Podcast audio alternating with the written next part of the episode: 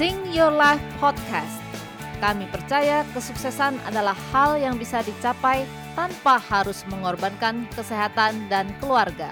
Kami percaya sukses bisa dicapai secara holistis. Mari belajar bersama di Sing Your Life.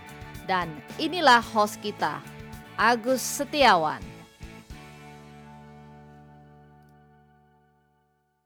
Selamat datang di Sing Your Life episode ketiga dan kali ini kita kedatangan tamu yang luar biasa yaitu Duyan Anggara dan kali ini kita akan belajar bagaimana caranya kita bisa memaster sebuah skill yaitu skill menjadi seorang forex trader. Selamat menikmati.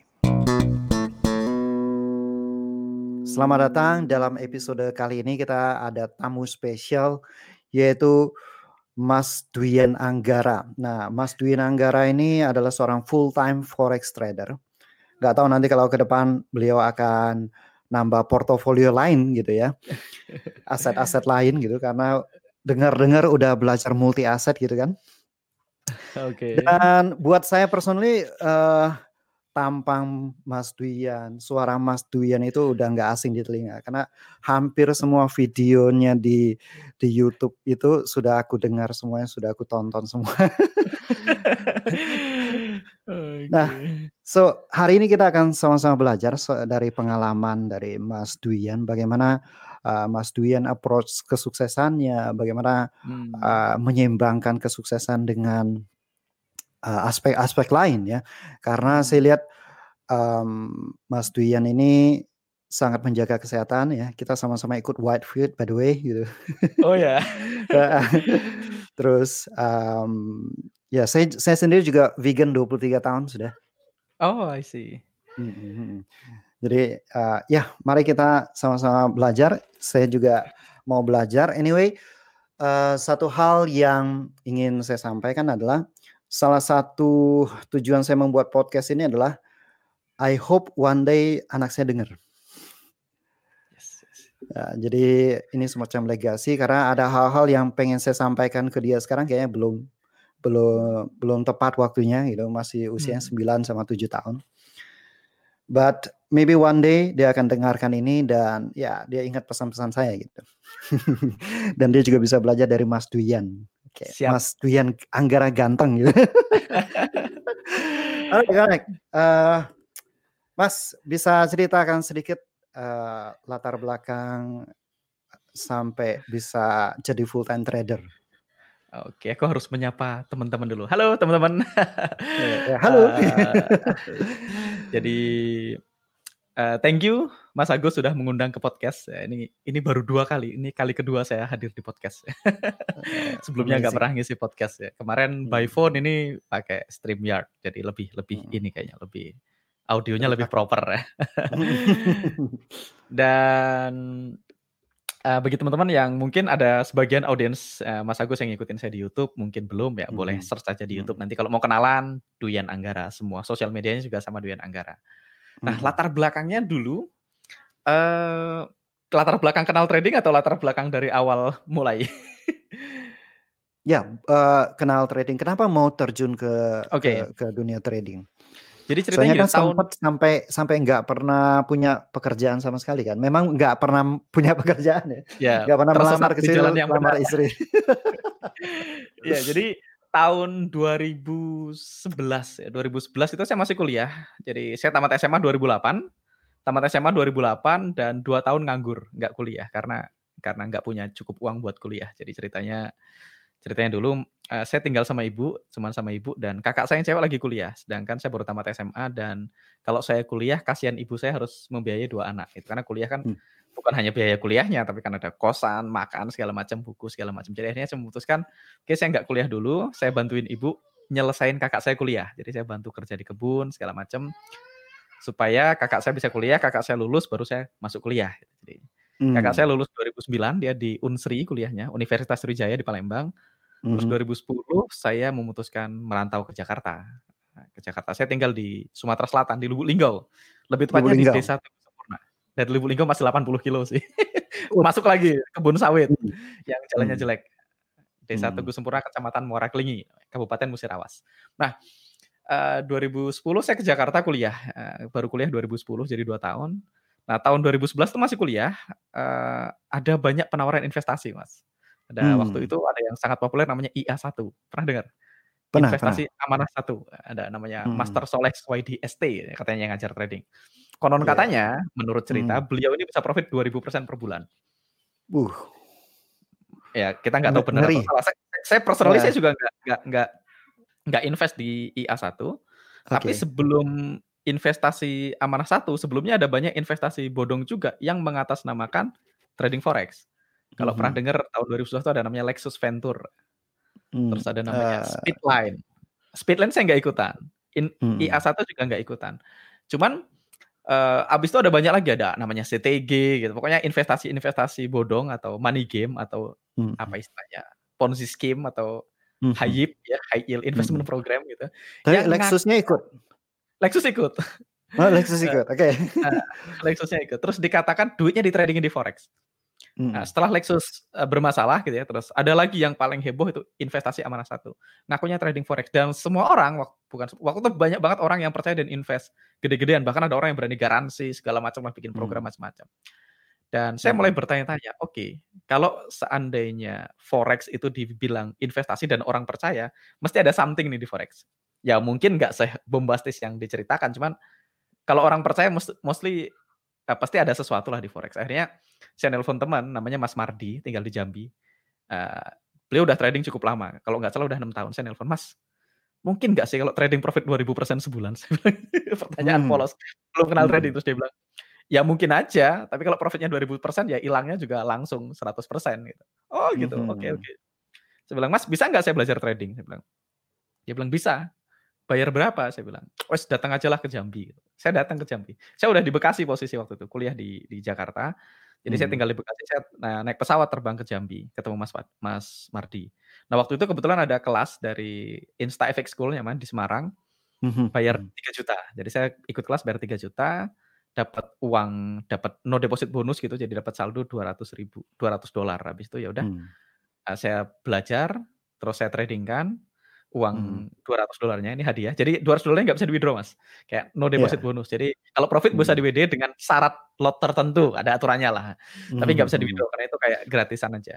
Karena mungkin uh. broker tahu kalau orang belajar pasti MC, mas nggak bakal withdraw lah. Gitu. Iya, dan itu satu-satunya akun MC ya. Ya, habis itu 200 dolar itu MC satu bulan kemudian. Iya, Dan iya, iya, iya. begitu MC 200 dolar walaupun itu bukan duit saya, saya merasa oke. Okay, mesti ada yang salah, mesti belajar lagi. Akhirnya habis itu belajar hmm. lagi. 2011 belajar lagi, 2012 saya belajar trading 2012, terus belajar lagi, 2013 baru memutuskan deposit dengan akun beneran. Jadi dalam proses itu saya belajar lagi, saya cari guru lagi yang menurut saya tradingnya bagus, saya hmm. belajar hmm. dan saya tes lagi. Saya tes dan hmm. ukur, tes dan ukur, belajar tes dan ukur gitu dan sampai akhirnya 2013 saya mulai deposit pakai uang saya pribadi yang benar-benar uang dari kantong itu dua setengah juta. Dua hmm. juta lima ratus ribu. Saya ingat waktu itu dolarnya sembilan ribu tujuh ratus. Jadi hari ini kalau saya nggak trading, saya withdraw all udah profit. Sekarang lima belas ribu soalnya. Saya iya, depositnya iya, waktu dolar sembilan ribu tujuh ratus itu tahun 2013an dan hmm. waktu itu pakai pakai PayPal depositnya dan akhirnya udah hmm. deposit dengan akun yang sama, wis nggak pernah ganti akun uh, pakai brokernya namanya FXDD dulu dia dari Malta dan pakai broker yang sama. Kenapa pakai FXDD? Karena guru saya bilang dia pakai FXDD, saya copy. Hmm. Terus hmm. guru saya bilang minimal deposit 300 dolar lotnya 0,01 karena saya punyanya 250 saya deposit 250 dan lotnya 0,01 jadi saya ngikutin persis apa yang guru saya ajarkan pokoknya saya orangnya uh, ikut kata guru gurunya bilang A hmm. saya tes gurunya bilang A saya tes gitu. sampai akhirnya saya pernah ngalamin minus tuh minus sampai 30 persen minus 40 persen hmm. akunnya sampai akhirnya mulai balik lagi. Saya nggak pernah top up itu akun itu uh, sampai mm -hmm. akhirnya balik lagi, balik lagi sampai akhirnya break even point, sampai akhirnya mulai profit dan sampai profit 100% saya withdraw dua setengah jutanya jadi impas. Jadi habis itu mm -hmm. uangnya uang yang sama, habis itu saya trading kan akun yang sama sampai lima tahun kemudian. Jadi akun itu nggak nah, pernah MC. Nggak pernah MC. Lima tahun itu naik ribuan persen dong. Uh, profitnya nggak gede sih per sebulan kayak lima persen, sepuluh persen, kadang dua belas persen kalau lagi sakti, enam belas persen, tiga belas persen itu mostly kecil-kecil. Tapi di compounding dalam waktu yang compounding. cukup lama. Di compounding hmm. terus selama bertahun-tahun dan 2017 2018 baru baru ganti akun pindah broker gitu ya. Tapi hmm. abis itu selama proses itu karena dulu waktu belajar nggak nggak terlalu butuh uang gitu ya. Jadi waktu hmm. masih kuliah jadi ya ya fokus trade for skill aja, jadi nggak nggak mikirin uangnya. Dan yang menarik adalah beberapa guru saya yang ngajarin saya trading udah berhenti trading. Nah itu menarik. Iya, karena mungkin dia kapok kan, kapok karena nggak tahan lossnya atau segala macam kayaknya mungkin gitu. hmm. gitu. Jadi akhirnya nggak trading. Dan saya beruntungnya karena saya dari dulu selalu itu apa ya? Di guru saya dulu, guru ngaji saya pernah bilang, lihatlah apa yang dikatakan, bukan siapa yang mengatakan. Dan saya hmm. pokoknya mau yang ngomong siapa pun, kalau yang diajarkan baik, saya nggak peduli gitu. Oke. Okay. Jadi okay. mau yang Karena... ngomong penjahat, kalau kata-katanya baik buat saya tetap baik gitu. Walaupun perbuatannya dia tidak tidak ada urusannya dengan apa yang dia sampaikan gitu. Jadi hmm. ketika guru saya bilang pakai money management yang baik ya saya ikutin. Perkara ternyata dia overload kan bukan urusan saya. Yang pentingnya diajarkan hmm. benar kan gitu. Jadi begitu dia bilang hmm. pakai MM yang baik, jaga lotnya, jangan over trade, jangan trading di luar trading plan gitu. Saya ikutin. Dan hmm. yang menarik dua tahun saya trading saya kasih lihat ke dia portofolio dua tahun kan saya kasih. Bro, saya hmm. manggilnya. Ini uh, uh, trading performer trading gue 2 tahun. Wih keren banget, gimana caranya? Lah kan caranya lo yang ngajarin ini persis sama kayak lo yang ngajarin. dan dan dia dia udah berhenti trading kah saat itu? Uh, nggak tahu saat itu sih kayaknya dia udah nggak aktif trading. Kayak belakangan dia mulai aktif trading lagi. Hmm, hmm, jadi jadi, jadi, kayak jadi itu awal mula kenalan. Hmm, I see, I see. Nah, ini ini menarik uh, karena banyak orang di luar sana dia belajar ketika dia melihat seseorang itu tidak sesuai seperti apa yang diajarkan, mereka mulai ah itu berarti nggak benar. Semua ilmunya mereka lupakan gitu. Anyway, nah. kalaupun benar juga yang benar-benar praktekin ilmu dari sebuah pelatihan juga paling 30% itu udah banyak banget gitu kan. Betul. Kalau saya personally gitu karena saya nggak pernah nggak pernah pengen nanya performa guru saya karena itu salah satu hal hmm. yang nggak pernah saya lakuin. Kalau menurut hmm. saya ya kalau saya ada kelas atau ada apa pun menurut saya saya siap nggak dengan angka biaya kelasnya. Hmm. Nah, kalau saya siap ya saya ikut. Kan maksimal kehilangan angka kelasnya. Nah, yeah, setelah yeah, itu ya saya tes aja metode yang diajarkan fit nggak sama saya. Kalau fit ya saya pakai, kalau nggak fit ya ya nggak apa-apa, nggak ada masalah. Hmm. At least saya nggak akan saya nggak akan kehilangan lebih banyak dari biaya kelasnya. Kayak misalnya saya ikut kelas forex yang bayar 3 juta dulu, ya maksimal hmm. kehilangan saya kan 3 juta. Jadi iya, nggak yeah, mungkin yeah. saya habis 50 juta gara-gara ikut kelas 3 juta. Kalau habis 50 juta kan memang kita yang yang nggak ngerti, nggak ngetes dan nggak belajar. Nah, jadi -hmm. ketika itu 2017 saya ikut kelas lagi, 2016 2000, 2016 saya ikut kelas lagi, uh, ikut kelas mm -hmm. lain. Uh, terus belajar sama salah satu mentor yang sampai hari ini masih komunikasi, salah satu orang yang paling saya hormatin lah di Indonesia di dunia trading. Belajar sama beliau dan Nah, namanya Coach VW ya, dia banyak ngajarin saya tentang psikologi trading. Salah satu yang bikin hmm. saya sematang hari ini di psikologi, salah satunya beliau. Beliau nyumbang cukup besar dalam perjalanan karir psikologi trading saya. Walaupun sebelum ketemu beliau pun saya nggak pernah overload sih, cuman begitu ketemu beliau hmm. dapat banyak pelajaran. Salah satunya yang paling membekas di saya adalah dia pernah ngajarin terlalu banyak tahu, terlalu banyak takut. Nah, itu yang salah satu pelajaran yang paling membekas. Nah, 2017 saya belajar lagi, eh, ngambil hmm. kelas lagi namanya di hmm. Trading Academy. Trading Academy online, itu lumayan mahal. Kota. Ya, OTA ya, Online Trading hmm. Academy. Itu kelasnya cukup mahal, kelasnya sekitar berapa? 200 juta lebih. hmm, 200 hmm. juta lebih itu satu aset kelas, terus saya ngambil multi aset, terus ngambil mastermind ya, lumayan.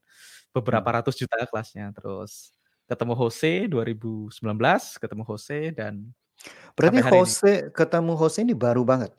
Ketemu Jose dua tahun, dua tahun. Dua tahun. Cuman ya? Ini tahun kedua. Kan, kebetulan kan Jose sebelumnya adalah uh, orang yang Trainer bikin kurikulum di, di, di, di, di tempat belajar saya sebelumnya, yes. Dia head of hmm. content di sana. Jadi, cuman saya nggak tahu, saya nggak tahu kalau Jose adalah uh, instructor dulunya. Jadi kayak ya hmm. ketemunya hmm. sudah udah justru udah dia udah udah nggak di OTA. Jadi hmm. belajar sama hmm. Jose. Jadi mostly saya belajar banyak banget sih. Saya spend mungkin beberapa ratus juta untuk belajar trading. Tapi kabar baiknya saya nggak spend untuk loss-loss yang nggak perlu. Saya nggak nggak ngalamin hmm. berdarah-darahnya trading. Yes, Jadi, yes, yes ya lumayan mulus lah, terbilang mulus karirnya di, di industri trading karena memang saya belajar, saya ngetes dan yang menarik tadi, pokoknya saya nggak peduli mau banyak orang kan suka nantangin ya, lu profitnya berapa sih? Coba lihat tokonya mana sini gitu. Hmm, saya kan nggak hmm, pernah. Yes, yes, yes. Hmm. saya kan nggak pernah karena menurut saya ya ya saya bayar kelasnya lah. Kelasnya berapa? Hmm. 200 dolar ya saya bayar misalnya. Habis itu ya dia ngajar kan. Nah, waktu dia ngajar kan kita bisa pelajari metodenya, habis itu kita tes. Kalau setelah kita hmm. tes dan ukur ternyata nggak cocok ya ditinggalkan aja selesai. Hmm. Kalau cocok ya kita pakai. Kalau hmm. gini, kalau metode yang dia ajarkan terbukti making money, perkara dia making money atau tidak itu bukan urusan saya, menurut saya sih gitu. Kalau dia ngasih nasihat hmm. dan nasihatnya benar ya ya ya oke. Okay. Hmm. Selama hmm. ya dianya nggak mempraktekkan kan di luar tanggung jawab kita. Kan memang yang kita beli kan itu materinya. Dan materinya, ilmunya bukan orangnya gitu ya. Kalau di trading kan kita bisa selalu tes dan ukur. Kita bisa akun demo dan nggak perlu kehilangan apa pun. Kalau bisnis lain kan nggak bisa, Mas. Mas Agus ngajarin saya bikin hotel, saya nggak bisa demo bikin hotel dulu. Oh, bisa, kita bikin di di monopoli dulu. oh ya. dan demo bikin restoran dulu gitu nggak bisa. Jadi kalau forex kebetulan bisa dites dan ukur, bisa didemokan dan kalau terbukti making money baru deposit uang beneran. Kalau nggak terbukti making money ya ya nggak perlu dihujat juga, nggak perlu gimana-gimana ya. Mungkin nggak cocok selesai. Hmm. Tinggal hmm. angka kelasnya oke okay nggak? Kalau angka kelasnya oke okay, kehilangan, buat saya worth it kok bayar let's say berapa 10 juta, 20 juta untuk untuk belajar dari orang yang sudah 10 tahun, 20 tahun di industri ini. Hmm. Ya worth it. At least kalaupun nggak work kita tahu ini nggak work tanpa harus mengorbankan lebih banyak waktu dan lebih banyak uang. Dia, Kalau work iya, lebih iya. bagus lagi. Jadi hmm. either way mau work atau nggak work kita tetap happy sih dua-duanya. Hmm. Kalau kalau work justru uang kita kembali, kalau nggak work ya udah saya cuma kehilangan uang pelatihannya. Gitu Dan kita nggak perlu uh, udah coba-coba sendiri, tetap nggak work, hmm. kehilangan uang, kehilangan waktu. Kayaknya lebih lebih ya, Ya. ya betul, betul. Dan kita bisa backtesting, bisa tes, hemat ya. waktu ya. sih, hemat waktu dan hemat uang. Kerennya forex adalah kita bisa testing dulu semuanya sampai kita firm baru masuk yes. uang asli. Ya. Satu-satunya bisnis yang boleh demo dulu itu forex.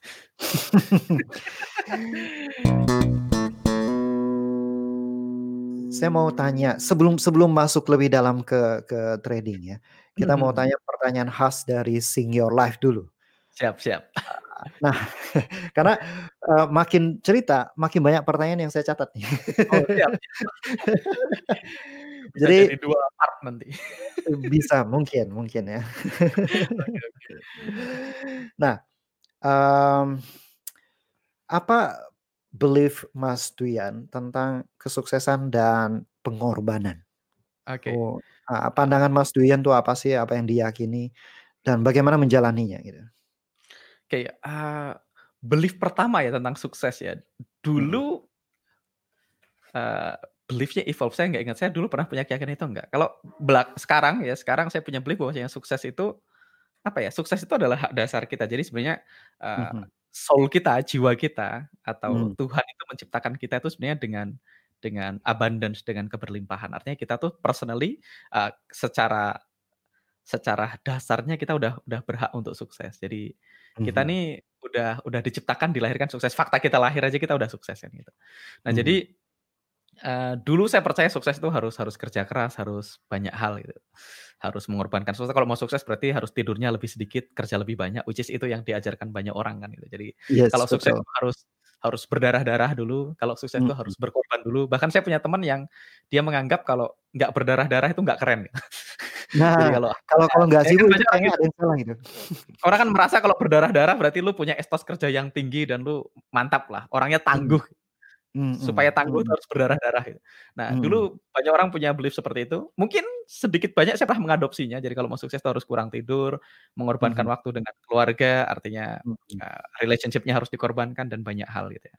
Hmm. Dan belakangan saya percaya sukses itu adalah apa ya ketika kita ngasih value yang sangat besar buat orang lain nanti kita akan balik lagi sukses dan itu nggak perlu proses itu bisa dilakukan dengan menyenangkan jadi nggak hmm. perlu berdarah-darah dan nggak perlu mengorbankan hal lain juga. Saya percaya kita bisa sukses secara integral. Jadi dan itu terjadi sama saya kayak satu tahun dua tahun belakangan. Begitu saya punya belief yang berbeda mm-hmm. bahwa saya sukses itu nggak harus kerja keras, sukses itu nggak harus berdarah-darah. Kita bisa kok sukses tanpa sukses dengan kita tetap bisa menjaga kesehatan, tetap tidur cukup, tetap olahraga, tetap punya banyak waktu buat keluarga dan segala macamnya. Dan begitu punya beliefs itu kayak mm-hmm. semuanya jadi shifting, semuanya jadi shifting. Jadi saya nggak nggak percaya dengan pengorbanan kayak misalnya cinta adalah pengorbanan nggak juga sih. Kalau cinta harusnya nggak merasa berkorban sih. iya, karena kita memberi dengan sukarela gitu. Betul, harusnya kan happy happy aja walaupun kata orang mungkin tapi nggak nggak pengorbanan juga. Sukses juga menurut saya nggak nggak perlu pengorbanan. Kita nggak perlu hmm. sacrifice anything untuk sukses. Jadi kita hmm. bisa sukses dengan dengan dengan area yang lain juga ikutan bagus gitu. Justru ketika kita fokus sama area di luar ngejar kerja kerasnya kayak uh, area yang lain jadi ikutan membaik. Tapi kalau kita cuma fokus apa ya linear suksesnya cuma mau sukses itu kan bagi sebagian orang kan yang dimaksud sukses itu kan cuma dua hal ya, cuma karir sama finansial. Kalau punya duit karirnya bagus ya sukses. Betul. Sedangkan ada banyak hal lain ya, ada kesehatan, ada keluarga, hmm. ada ada intelijen kita, apa, hmm. emosi kita segala macam. Hmm. Nah, menurut saya kalau kita ngejar cuman parsial tadi karir dan hmm. kesehatan nanti yang lain dikorbankan malah jadinya nggak sukses. Hmm. Ya, saya percaya sukses ya bisa dicapai tanpa harus mengorbankan yang lain. Hmm. Dan saya percaya bahwasanya kita ini sudah dilahirkan sukses, tinggal biasanya kita punya istilahnya abundance block, kita punya mental block yang menghambat kita untuk sukses. Kita punya banyak handbrake. Tugasnya hmm. cuma bersihin handbrake-nya. Kalau handbrake-nya dibersihin, biasanya yang lainnya ikutan membaik. Yes, yes, yes. Betul. Nah, mengenai handbrake, apa pandangan pandangan Mas dan misalkan banyak orang yang udah struggling struggling itu kan berarti dia punya handbrake atau ya, ya. abundance block seperti itu. Ya, uh, bagaimana cara mengenali? Hmm. Bagaimana cara mengenalinya? Uh, biasanya sih salah satu yang paling gampang adalah perasaan kita ketika mendengar orang lain sukses, mas. Nah, gitu yang, yang paling gampang dulu. Kayak kadang gini, aku pengen punya sukses nih, terus dengar kabar temanmu beli mobil, gitu. seneng nggak hmm. atau, oh, itu pasti duit ini nih, gitu. Atau, ah, itu ya terang aja lah dia kerjanya begini. Dia suka hmm. cheating-cheating duit kayak gini. Ya, hmm. pokoknya gini, kalau ada orang yang mencapai sesuatu, ada orang yang kaya, ada yang sukses, atau ada teman kita, atau siapa pun atau kompetitor kita gitu ya, dapat hmm. dapat project atau dapat apa gitu, sesuatu yang membahagiakan, cek aja kondisi hmm. hatinya. Hmm. Atau kalau lihat orang kaya, lihat orang sukses gimana? Apakah kita menganggap, oh terang aja dia anak orang kaya, oh dia mungkin dia curang, oh mungkin dia memanfaatkan, wah ini dia pasti aji mumpung nih, memanfaatkan hmm. kekuasaan atau memanfaatkan peluang atau apa gitu.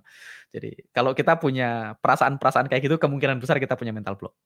Hmm, salah satunya kalau, mungkin kalau ada kabar baik, datang, ya kalau ada kabar baik datang ke teman kita, kita happy nggak? Kalau kita happy for him gitu ya, uh, atau for her, ya, kemungkinan besar kita di track yang benar. Tapi kalau kita dengar tetangga sebelah beli mobil baru terus kita nggak suka atau kita berusaha ah mungkin dia gini. Ya kemungkinan atau atau meremehkan pencapaiannya gitu ya?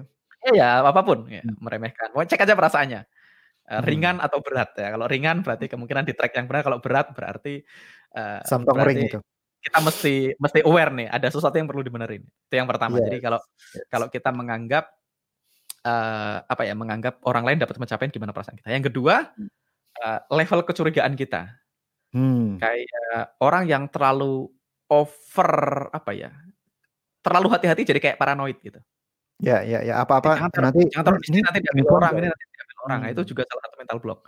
Karena orang punya program anti kaya dia. Kalau dia dia takut kalau dia merasa dia dunia ini nggak aman. Kalau dia hmm. kalau dia kalau dia kaya takut dirampok, dicuri gitu. Untung kita nggak yeah, kaya jadi nggak dirampok. Nah, itu tuh hati-hati. Jadi kalau kita cenderung tidak gampang percaya sama orang atau kita cenderung hmm. curigaan sama orang, kemungkinan kita punya punya handbrake juga. Nah, itu juga salah satu hal yang yang bisa diciri-ciri. Berikutnya apa ya? Kalau kita merasa uh, hidup ini nggak adil sama kita, kok merasa hmm. Tuhan ini saya berdoa nggak pernah dikabul gitu. Tuhan rese banget sama saya. Nah, itu kemungkinan kita punya mental block. Kita merasa kok banyak hal ya, bukan hanya Tuhan ya. Kadang-kadang kalau kita punya mental block itu, kayak kita merasa pemerintah nggak fair. Pemerintah ini kayak bikin kebijakan kayaknya cuma bagus untuk orang kaya doang, untuk orang miskin nggak hmm. bagus. Akhirnya hmm. kita merasa pemerintah nggak fair. Kita merasa hmm. Tuhan kok nggak adil, kok merasa hidup ini nggak adil. Itu juga salah satu uh, ciri-ciri kita punya mental block. Nah tiga itu yang paling gampang di, dicek sih kayaknya. Betul betul dan dan kita mesti cek dalam dalam diri masing-masing bukan pas ketemu orangnya, eh I'm so happy for you," gitu ya, yeah. tapi di dalamnya lain gitu. Betul. Pokoknya waktu kita dengar kabar, "Wah, temanku beli mobil baru," atau, "Wah, temanku hmm. sukses." Karena saya punya teman yang kalau diceritain, "Ah, dia itu nggak benar, itu pasti duit investornya." Ya walaupun duit hmm. investornya kan ya nggak apa-apa. Ya. ya, emang usaha dia juga gitu kan ya. Iya, makanya itu salah satu yang mungkin, oh kayaknya berarti punya mental block. Yes yes yes. Nah, balik lagi ke belajar nih, Mas. Hmm. Belajar Mas belajar begitu banyak metode ya. Ini kecampur nggak sih? Uh, apa Metode enggak Uh, metode trading? Metode trading, uh, selama dari tahun 2013, 2012 hmm. benar-benar mendalami trading sampai sekarang sekitar 7, 8 tahun ya. Begitu Betul. banyak metode itu kecampur nggak? Sempat bingung nggak bagaimana membedakan oh. ini dan itu gitu? Enggak sih, saya punya topi yang berbeda. Itu ah, istilahnya gitu. Hmm, Jadi hmm. ketika let's say saya punya strategi namanya let's say saya punya strategi yang yang berbeda. Ketika saya trend follower, ya saya hmm. hanya cek trendnya. Ketika saya hmm. counter trend di strategi yang lain ya saya akan pakai ini topi counter trend. Jadi saya nggak peduli sama trennya. Hmm. Itu yang pertama. Yang kedua, uh, kenapa nggak tercampur? Karena saya fokus mastery. Banyak orang kan ragu nih, ya, belajar dikit-dikit-dikit nanggung. Jadi hmm. kalau orang terlalu banyak tahu tapi nanggung, biasanya nggak ngapa-ngapain. Hmm. Biasanya terus gampang sentimen, gampang mengutuk strategi lain gitu atau apa pun yes, kan. Yes. Sama lah mm-hmm. pokoknya kalau kalau ada dua kelompok agama yang berantem di bawah itu pasti pimpinannya kan nggak berantem karena pimpinannya benar-benar mengerti esensinya mm-hmm. kan ya ributnya mm-hmm. di bawah yang nggak terlalu paham. Nah sama kayak trading juga gitu. Kalau kita belajar satu materi dan kita nggak terlalu paham, terus kita ganti lagi teknik lain lagi, ganti lagi teknik lagi, ya akhirnya jadi kolektor teknik dan cuma tambah tua aja. Nah, kalau saya mostly ketika saya belajar satu hal, ya saya tes dulu. Hmm, saya sampai tes master. Sampai, hmm, sampai master ya, sampai saya tahu oh strategi ini nggak work jika kondisi kayak gini, strategi ini work best dalam kondisi seperti ini. Hmm. Nah, habis itu saya akan cek strategi ini work best dalam kondisi kayak gini, dia biasanya nggak work dalam kondisi kayak gini. Ya udah habis itu ya udah. Dan saya selalu memisahkan ketika saya pakai strategi A berarti topinya beda, seragamnya beda. Ini baju hmm. counter trend, berarti seragam counter trend. Nanti ketika trend follower ya seragam trend follower. Nah, saya nggak mencampurkan karena nanti bingung kayak uh, di sini buy di sana sell misalnya. Walaupun yeah, iya. sebenarnya yeah. sih nggak mungkin buy dan sell di tempat yang sama di waktu yang sama sih. Ya, Karena pada misalnya, misalnya kita uh, saya day trader, misalnya Mas Agus long term trader gitu ya. Mas hmm. Agus bullish, saya bearish, tapi kan nggak mungkin Mas Agus ngebuy di tempat saya ngesell. Pasti ngebuy-nya hmm. di bawah, ngesellnya saya di atas. Jadi dua-duanya hmm. sih bisa work, dua-duanya. Hmm. Karena toh kita pakai limit order terus ya. Kedua, yang kedua saya selalu tes dan ukur, saya selalu tes dan ukur. Jadi selalu ketika ada metode baru juga dites. Ketika saya akan combine dua metode dari dua mentor yang berbeda juga pakai data. Jadi hmm. saya nggak pernah berubah strategi kecuali saya punya data yang sangat akurat hmm. dan dalam jumlah yang banyak. Ketika saya punya jumlah 500 yang banyak itu ya 300 sampai 500 posisi lah. Uh, Oke. Okay. Ya, saya punya saya punya jurnal soalnya saya punya jurnal dari pertama kali saya trading terus saya, saya biasanya buka-buka gitu. Oke, hmm. kalau ini ditambahin ini dan saya nggak bisa bilang, kan kadang-kadang gini, oke okay, news misalnya. Hmm. Kalau ada news di cancel. Ada hari di mana kita cancel news selamat. Ada hari gara-gara kita cancel harusnya TP terus jadi nggak TP. Nah kita nggak bisa tuh gara-gara hari ini kita cancel gara-gara news terus kita selamat. Oh untung di cancel, besok berarti di cancel. Hmm. Atau gara-gara hari ini kita nggak cancel ternyata TP. Hmm. Berarti besok nggak usah di cancel. Kita nggak bisa ngambil kesimpulan hanya gara-gara dua atau tiga transaksi. Kalau saya mundur ke semua transaksi, kalau saya punya 300 transaksi, kalau saya setiap news saya cancel, ini yang terjadi. Kalau setiap news saya tidak peduli, ini yang terjadi. Mhm. Nah, begitu saya tahu angkanya, saya bisa putuskan, oke okay, saya tidak peduli news. Nah, itu baru baru ngambil keputusan setelah itu. Nah, kalau kita melakukan backtesting seperti itu, ada uh, bagaimana menghindari kontaminasi hindsight? Hindsight dalam arti karena kita backtest ya, kita reply chartnya, hmm. sedikit banyak kita tahu ah ini, ini kayaknya SL usah dicatat gitu ya. Iya, ini ini kayak Excel nggak usah. Oh ini ini bakal naik nih. Ya udah, saya masuk posisi. Jadi saya saya saya benar nih gitu. Uh, dari hal-hal seperti itu.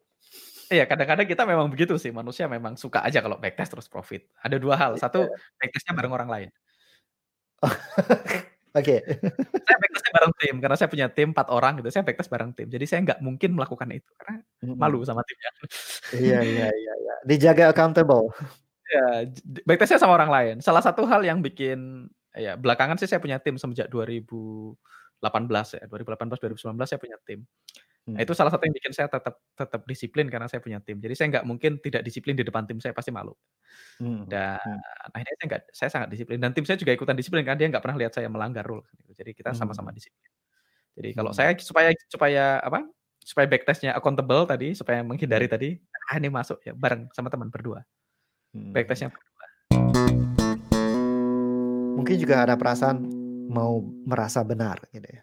Ya, nah itu saya nggak pernah merasa benar karena bukan saya yang benar. Kalaupun benar kan saya cuma tester. Hmm. Nah, nah itu menarik. Video saya nonton, ya. saya nonton video itu sampai tiga kali.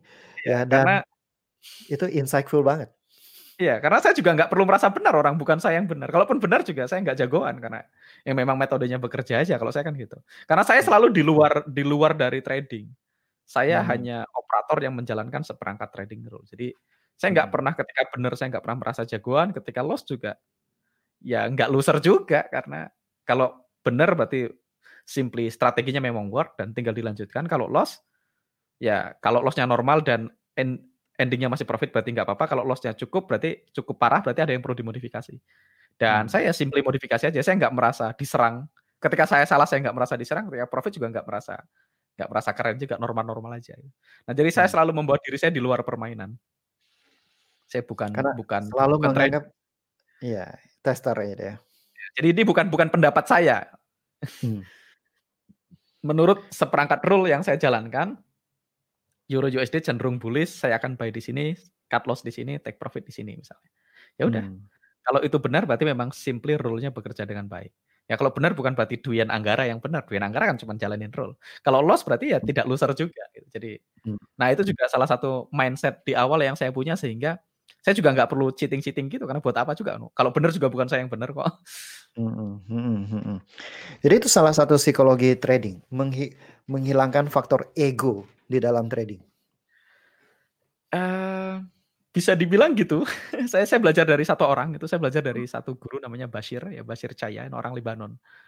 Oke. Dia bilang jadilah tester bukan trader dan saya merasa itu sangat helpful ya ketika ketika ketemu hari loss kan banyak orang merasa dia loser terus pengen balas dendam. Hmm. Karena dia merasa dia yang loss. Ya, karena saya yang loss bukan saya, saya nggak perlu balas dendam. Kalau loss terus ya berarti strateginya perlu diperbaiki. Ya kita lebih objektif sih. Karena hmm. saya nggak merasa diserang dan saya nggak merasa karena kalau orang bilang menurut analisa saya, kalau menurut analisa saya kan berarti kalau salah dia yang salah. Kalau saya kan enggak. Udah, udah masuk ke egonya. Ya, menurut auto climate marketnya sedang up climate. Ya kalau salah kan bukan saya yang salah. Auto climate-nya bilang up ya saya bilang up. Baiknya di mana di area ini itu gampang kan. Jadi jadi nggak perlu nggak perlu merasa diserang juga. Jadi makanya itu sangat membantu saya sih ketika saya bukan trader, saya cuma tester, saya cuma orang operator aja. Jadi ketika loss profit saya tetap damai-damai aja. Hmm, hmm, hmm, saya pernah nonton salah satu video, saya lupa itu either di STM atau di YouTube ya. Hmm. Mas pernah bilang menghilangkan uang dalam equation kehidupan Mas. Itu seperti apa maksudnya? Mungkin teman-teman uh, akan terinspirasi nih sama cerita ini. Jadi gini, uh, dulu kan saya lahir dan dibesarkan di keluarga yang quote on quote menengah ke bawah lah. Mhm, Miskin mhm. lah bahasa ini awamnya. Di, kakek saya ini di Purwokerto, uh, lahir di Purwokerto, ibu saya lahir di Purwokerto di Banyumas, mhm. dan kakek nenek saya ini transmigran dari Purwokerto transmigrasi ke Sumatera ke Lampung. Nah, dari Lampung ibu saya ketemu papa saya di Lampung, dua-duanya orang Jawa, papa saya salah tiga, ibu saya Purwokerto ketemu di Lampung, menikah, begitu menikah, kondisi ekonominya tidak begitu bagus juga, akhirnya transmigrasi lagi mas daftar hmm. lewat Jakarta transmigrasi lagi ke Tugu Sempurna tadi di Kecamatan Moraklingi di Musirawas. Hmm. Nah, jadi saya ini transmigrasi kuadrat, dua kali transmigrasi saya. Kakek saya transmigrasi, ibu saya transmigrasi. Dan okay. sebagai orang transmigran ya kita cuman dulu cuman dapat jatah apa ya, dapat dapat tanah dua hektar kalau nggak salah dapat rumah papan gitu terus dapat makanan dapat jatah dapat beras dapat sarden dapat ikan asin ya, dapat biskuit gitu ya. dapat roti bahkan waktu saya sekolah SD itu dapat jatah makanan takut gizinya hmm. tidak tercukupi jadi dari pemerintah tuh dikasih susu nanti. Sekolahnya besok bawa gelas gitu dapat susu. Besok bawa bawa sendok gitu nanti dapat bubur gitu. Hmm. SD di sana saya SD di kampung banget yang nggak ada listrik nggak ada internet nggak ada apa-apa. Yang lampunya lampunya kaleng susu itu dicowakin gitu diisi minyak tanah hmm. terus dikasih kain itu sumbu. Sumbunya kain Bahkan ada, ada semprongnya. Jadi kalau kita belajar hidungnya hitam-hitam terus rambutnya kebakar baunya enak sih bau rambut kebakar saya suka. Saya suka bakarin rambut. saya, saya besar dari dari keluarga yang transmigran, rumahnya tanah, lantainya tanah bahkan saya nggak nggak keluarga saya nggak afford untuk nyemen lantai rumah saya. Bukan hmm. keramik ya, semen pun tidak. Hmm, hmm, Jadi dan saya tetap tinggal di rumah yang sama, rumah saya, rumah jatah transmigrasi itu sampai sampai tahun 2011.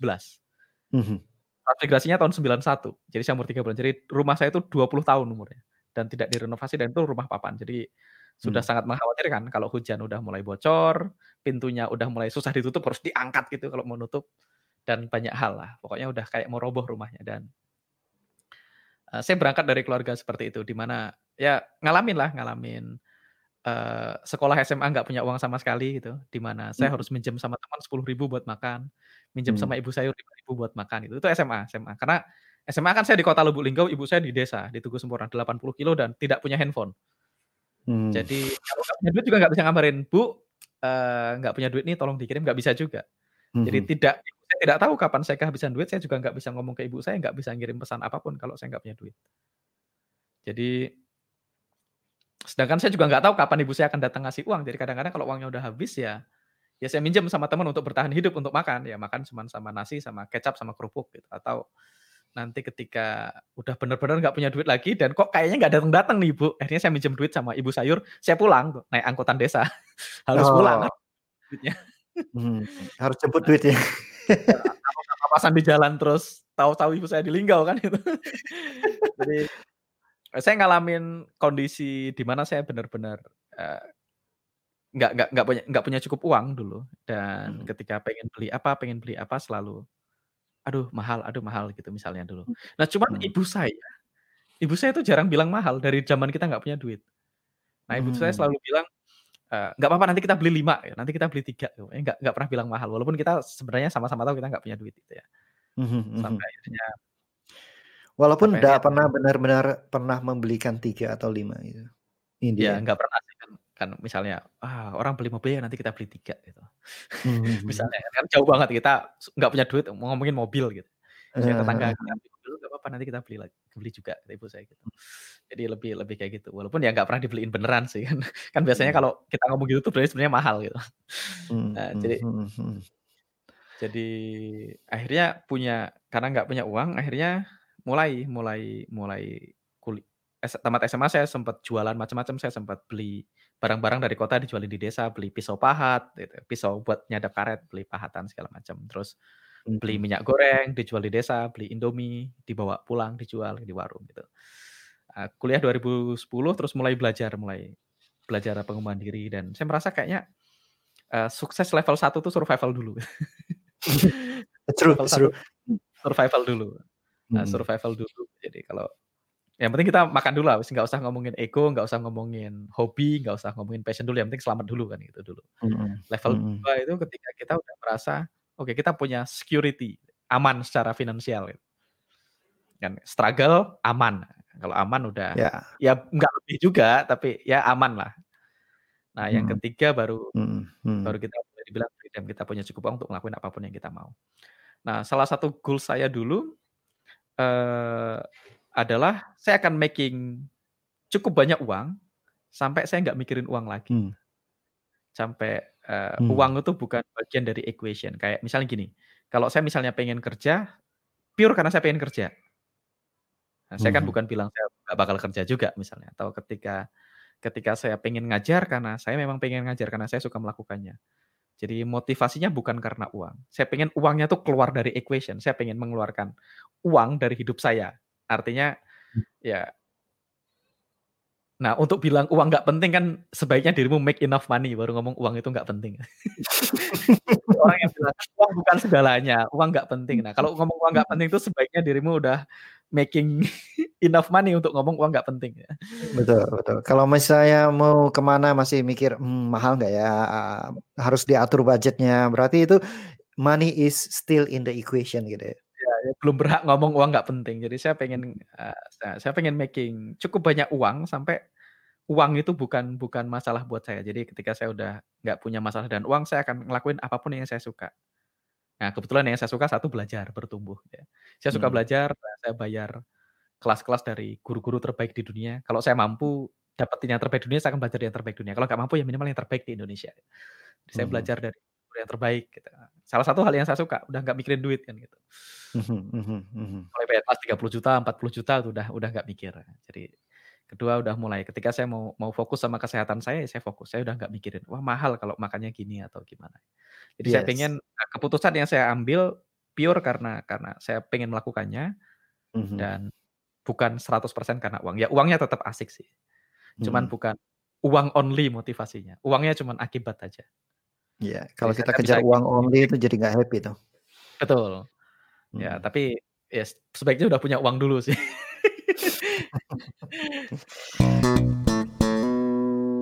Nah, sebenarnya udah punya uang dulu. Dari dari Mas mendalami forex du Hmm. di 2012 tadi 13. ya? 13. 2012 Tipping mulai belajar. 12 mulai belajar. Tipping point sampai merasakan dampak dari forex sampai benar-benar uang itu hilang dalam equation itu berapa lama? 2019 mulai benar-benar, eee, mulai benar-benar kayaknya ini udah udah oke nih, udah nggak mikirin cicilan mobil, udah nggak mikirin apa gitu, udah udah kayak, eee, udah saya bikin rumah, udah mampu bikin rumah gitu kan, sebelumnya rumah saya jelek banget kan gitu. Itu 2019. 2019. Sebenarnya sebelum 2019 sih saya cukup punya income yang lumayan dari trading, cuman kan uangnya dipakai buat sekolah terus, Mas.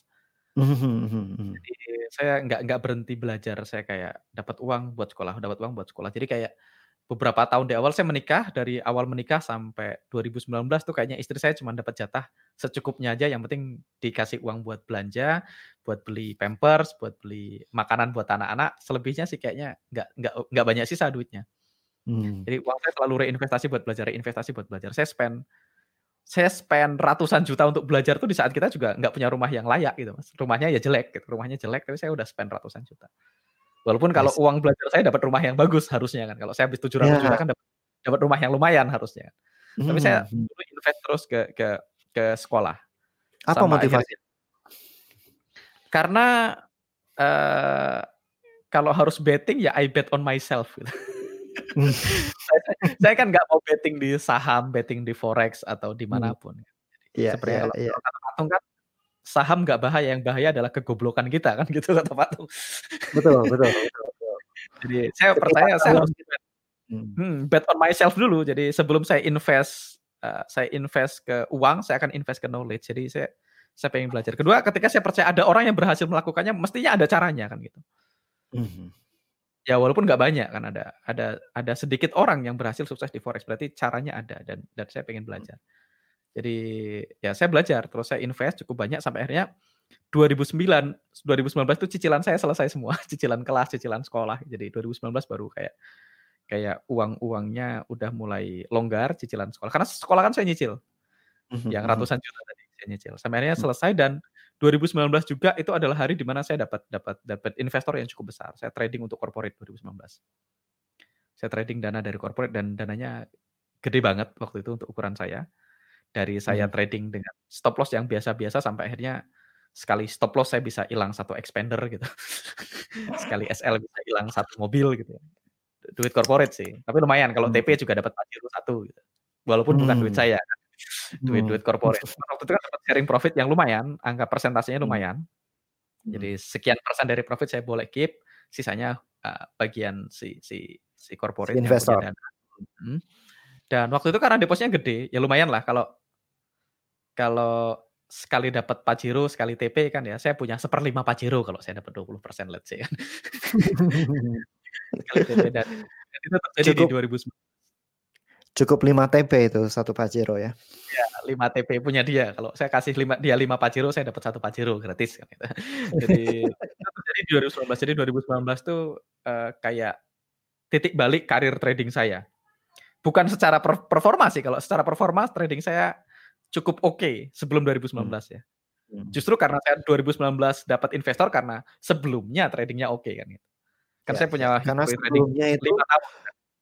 Eee, 5 tahun itu benar-benar trading-nya oke, Hmm. semua biaya hidup, semua kebutuhan belajar itu semua di di-cover dari trading? Ya sambil banyak sih ngelakuin digital marketing, main MLM juga. Oke. Cuman nggak pernah kerja. Nggak pernah kerja. Nggak pernah kerja, jadi main MLM buat nambah deposit, apa, ya Mmm. bisnis-bisnis .com sih .com lah, sedot komisi. Sedot komisi. Oh itu istilah baru buat saya. .com, sedot komisi sama marketing kan, maklar everything. Jadi Marketing marketing. bisnisnya eee, jadi bisnisnya 2 .com sama marketing, ya, maklar Mmm. everything sama sedot komisi. Ya Sedot ngelakuin itu komisi. aja sambil dalam proses sambil belajar, eee, nambah deposit dan seterusnya. Tapi performa cukup oke. Jadi waktu ketika 2018 akhir, saya ketemu teman saya orang orang Kanada ya. Nah, dia punya sebuah company di di UK, perusahaannya register hmm. di UK, perusahaannya bergerak di financial publishing gitu. Hmm. Nah, terus dia cerita, dirimu ngerjain apa? Aku ya masih trading. Emang gimana sih tradinganmu? Terus tak kasih lihat, oh ini akunnya selama lima tahun terakhir gitu. Dia lihat growth-nya, dia oke, okay, dia impress bahkan, wih gila, aku nggak pernah lihat ada orang tradingnya kayak gini. Dan kebetulan hmm. dia ngajak satu orang temennya yang temennya trader kebetulan.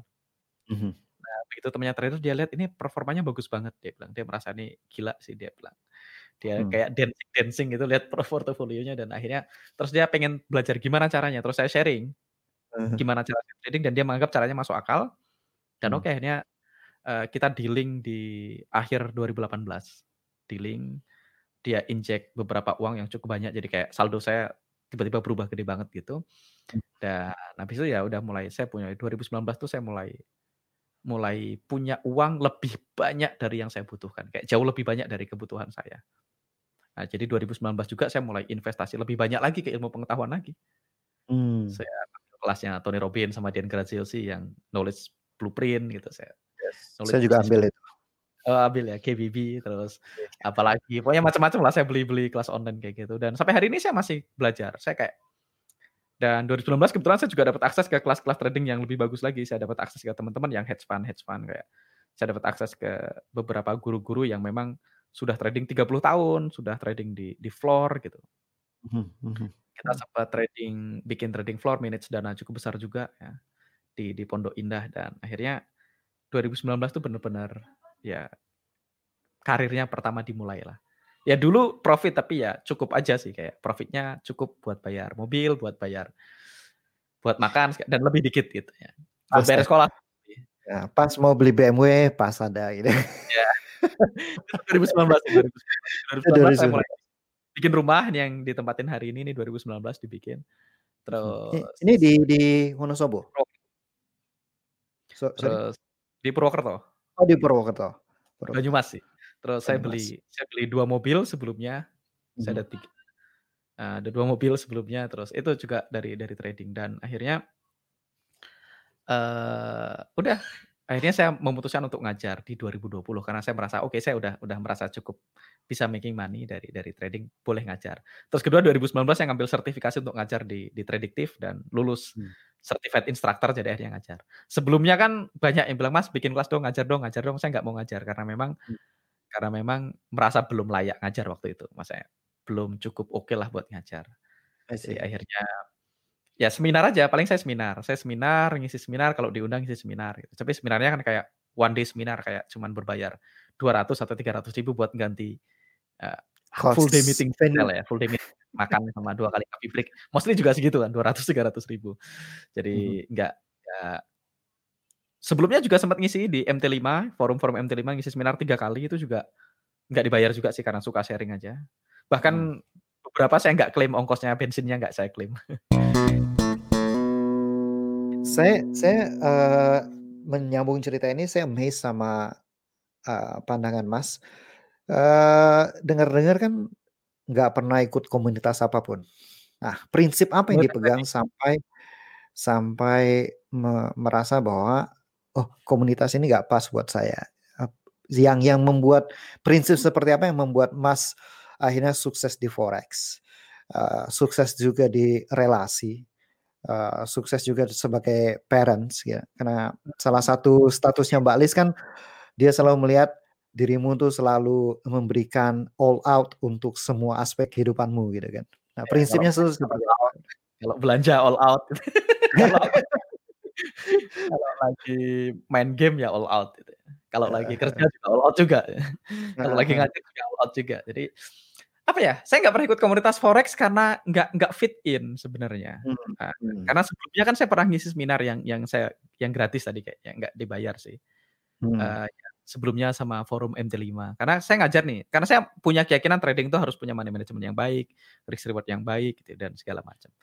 Dan ketika ketika saya masuk ke komunitas tadi, mm-hmm. agak tricky saya ngisi seminar nih tentang psikologi trading, tentang money management, tentang risk reward.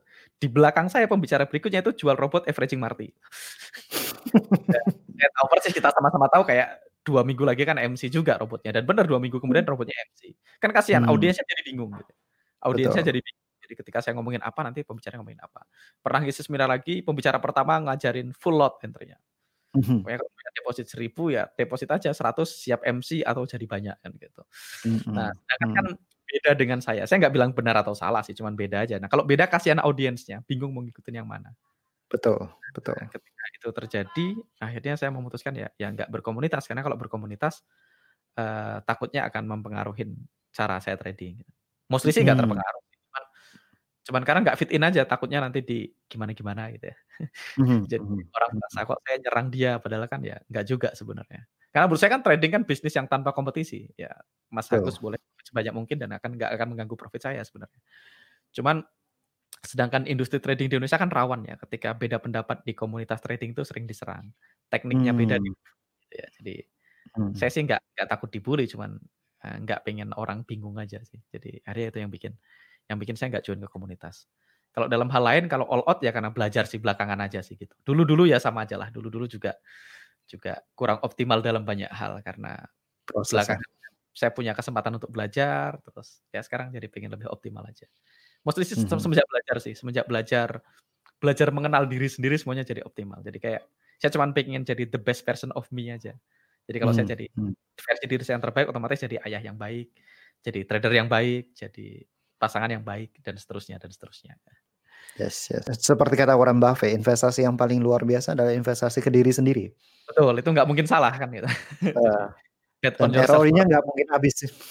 Betul, ROI-nya paling tinggi justru. Betul. Nah, ini Mas, kalau saya mau jadi trader, katakan gitu ya. Hmm um, sarannya apa nih supaya bisa benar-benar fokus ke trading?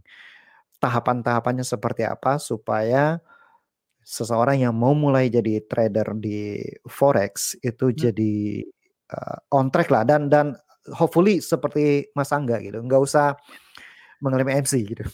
Ya, jadi sebenarnya kan MC itu kan sesuatu yang nggak perlu di trading sebenarnya kan. Harusnya MC itu susah banget loh. Harusnya kita itu ngap harusnya forex itu satunya bisnis yang nggak perlu berdarah-darah untuk tahu hmm. kita salah kan gitu. Hmm. Nah, jadi saran saya kalau teman-teman pengen belajar trading yang pertama, saran saya cari cari cari guru, cari mentor sih.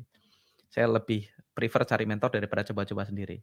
Karena hmm. kalau kita coba-coba sendiri kita tetap akan bayar anyway. Kita bayar pakai waktu kita dan bayar pakai loss kalau pakai uang beneran. Jadi bayar pakai waktu which is lebih mahal Kedua bayar pakai loss, which is sering kali lebih mahal. Saya sering orang curhat mas habis loss dua puluh ribu, tiga puluh ribu, empat puluh ribu di forex dan seterusnya dan hmm. tetap nggak ngerti caranya kan gitu. Jadi hmm. yang pertama cari mentor.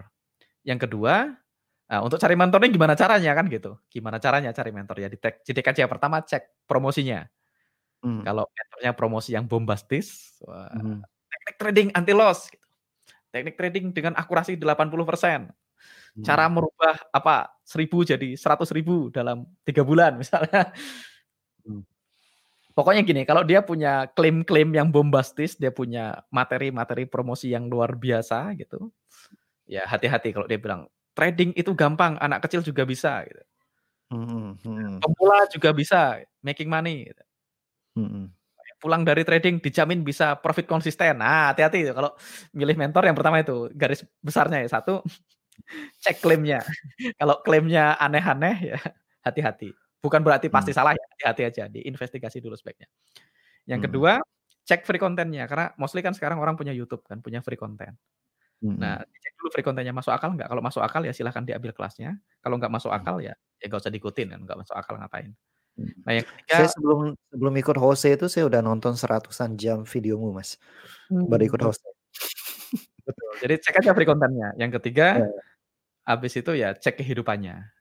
Hmm. Karena penting juga karena banyak orang ngakunya ngakunya profit konsisten tapi HP-nya hmm. Xiaomi misalnya. Saya nggak bilang Xiaomi jelek sih, cuman kan kalau handphonenya 10 lot kan ya Iya, ya, kalau kalau money out of equation pasti belinya iPhone gitu ya. Iya, maksudnya uh, ya tadi kalau kan agak lucu kayak misalnya dia bilang, wah saya trader profit ratusan persen ya. Kalau dia bilang profit ratusan persen, ribuan persen kan kita sama-sama bisa ngitung kan. Hmm, dia bisa hmm. profit 100 persen per bulan, dia start dengan 10 juta, bulan depan jadi 20 juta. Kan. Bulan depan jadi 40 juta, jadi 80 juta dan seterusnya. Harusnya hmm. hari ini uh, dia nggak nggak nggak apa ya? Nggak kesulitan uang. Ya betul, artinya kalau dia hmm. masih ya mohon maaf kalau dia misalnya lihat aja lagi depan sehari-harinya. dia boleh ngomong kasar nggak sih di sini? dia masih pakai pra gitu ya jangan percaya. Nggak ada yang salah hmm. dengan pakai Supra, tapi kalau dia klaim profit ratusan persen jadi nggak make sense. Hmm. Hmm. Saya bilang pakai Supra jahat, cuman maksudnya kalau dirimu ngomong profit ratusan persen, karena ada orang yang nge-share punya saldo 6T, ngakunya hmm. trader punya saldo 6T, tapi HP-nya pecah-pecah itu, nggak nggak masuk hmm. akal aja. yang pertama cek kehidupannya, empat lah tadi, cek yes. klaimnya, cek free hmm. kontennya, masuk akal atau enggak, yang ketiga cek kehidupannya keempat. Nah, hmm. kalau ternyata kita sudah melakukan due diligence 4 ini, ya habis itu ikut kelasnya kalau memang menurut kita cocok. Nah, hmm. kalau kita ikut kelasnya dan ternyata setelah kita due diligence kita udah hati-hati kadang-kadang kan tetap aja bisa bisa salah pilih guru. Betul Mas Agus ya? Hmm. udah hati-hati udah ngetek ternyata tidak seperti yang kita inginkan. Ya nggak apa-apa. Kan resiko terburuk adalah kehilangan biaya pelatihannya. Hmm. Jadi ketika dia ngajar ya kita perhatikan metodenya, habis itu kita tes dan ukur metodenya. Sampai kita tahu angkanya, kita tahu ekspektasinya. Yes. Jadi ketika ketika belajar dari siapa pun, dari buku, dari mana pun, tugas kita adalah tahu ekspektasinya. Karena kalau kita nggak tahu ekspektasinya, kalau kita nggak tes dan ukur, misalnya gini, saya belajar dari guru A, terus dia ngajarin satu metode. Saya entry, hmm. ternyata tiga transaksi pertama TP semua. Hmm. Terus saya langsung ambil tahu. kesimpulan. Wah ini strategi mantap luar biasa kan, waktunya jual rumah kan, waktunya ganti PKP mobil, misalnya. Ya, hmm. Akhirnya berakhir tidak bahagia, berakhir kecewa karena mindsetnya salah. Hmm. Atau kita baru ngetes satu metode, tiga transaksi pertama SL semua terus kita berhenti. Hmm.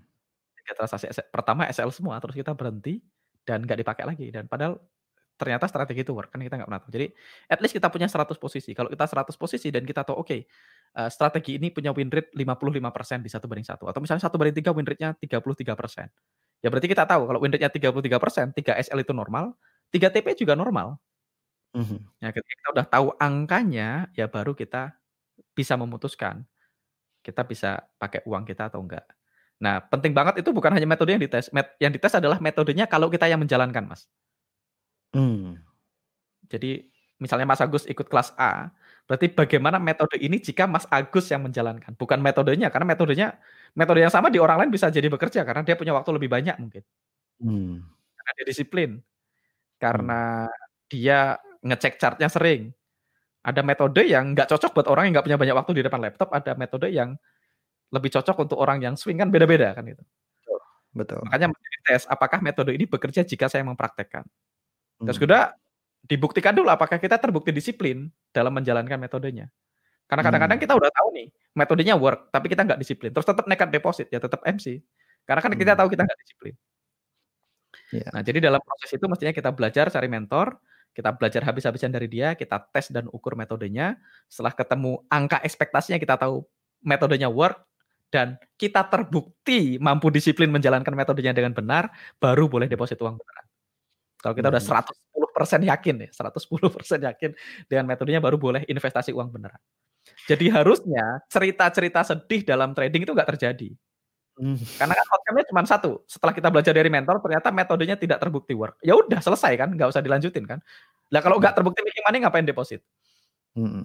Resiko terburuk kehilangan berapapun biaya pelatihannya. Kalau kelasnya 3 juta ya hilang 3 juta. Kalau kelasnya 15 juta ya paling buruk hilang 15 juta. Jadi nggak perlu hilang ratusan juta.